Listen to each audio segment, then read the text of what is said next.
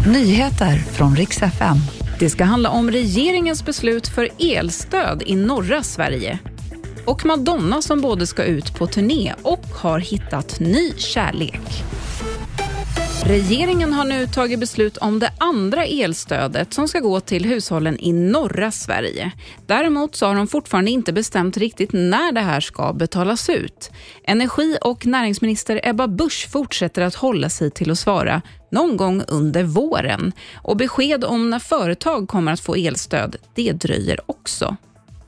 Ukraina har varit hårt utsatt under natten till idag med massiva robotattacker riktade mot att slå ut viktig infrastruktur.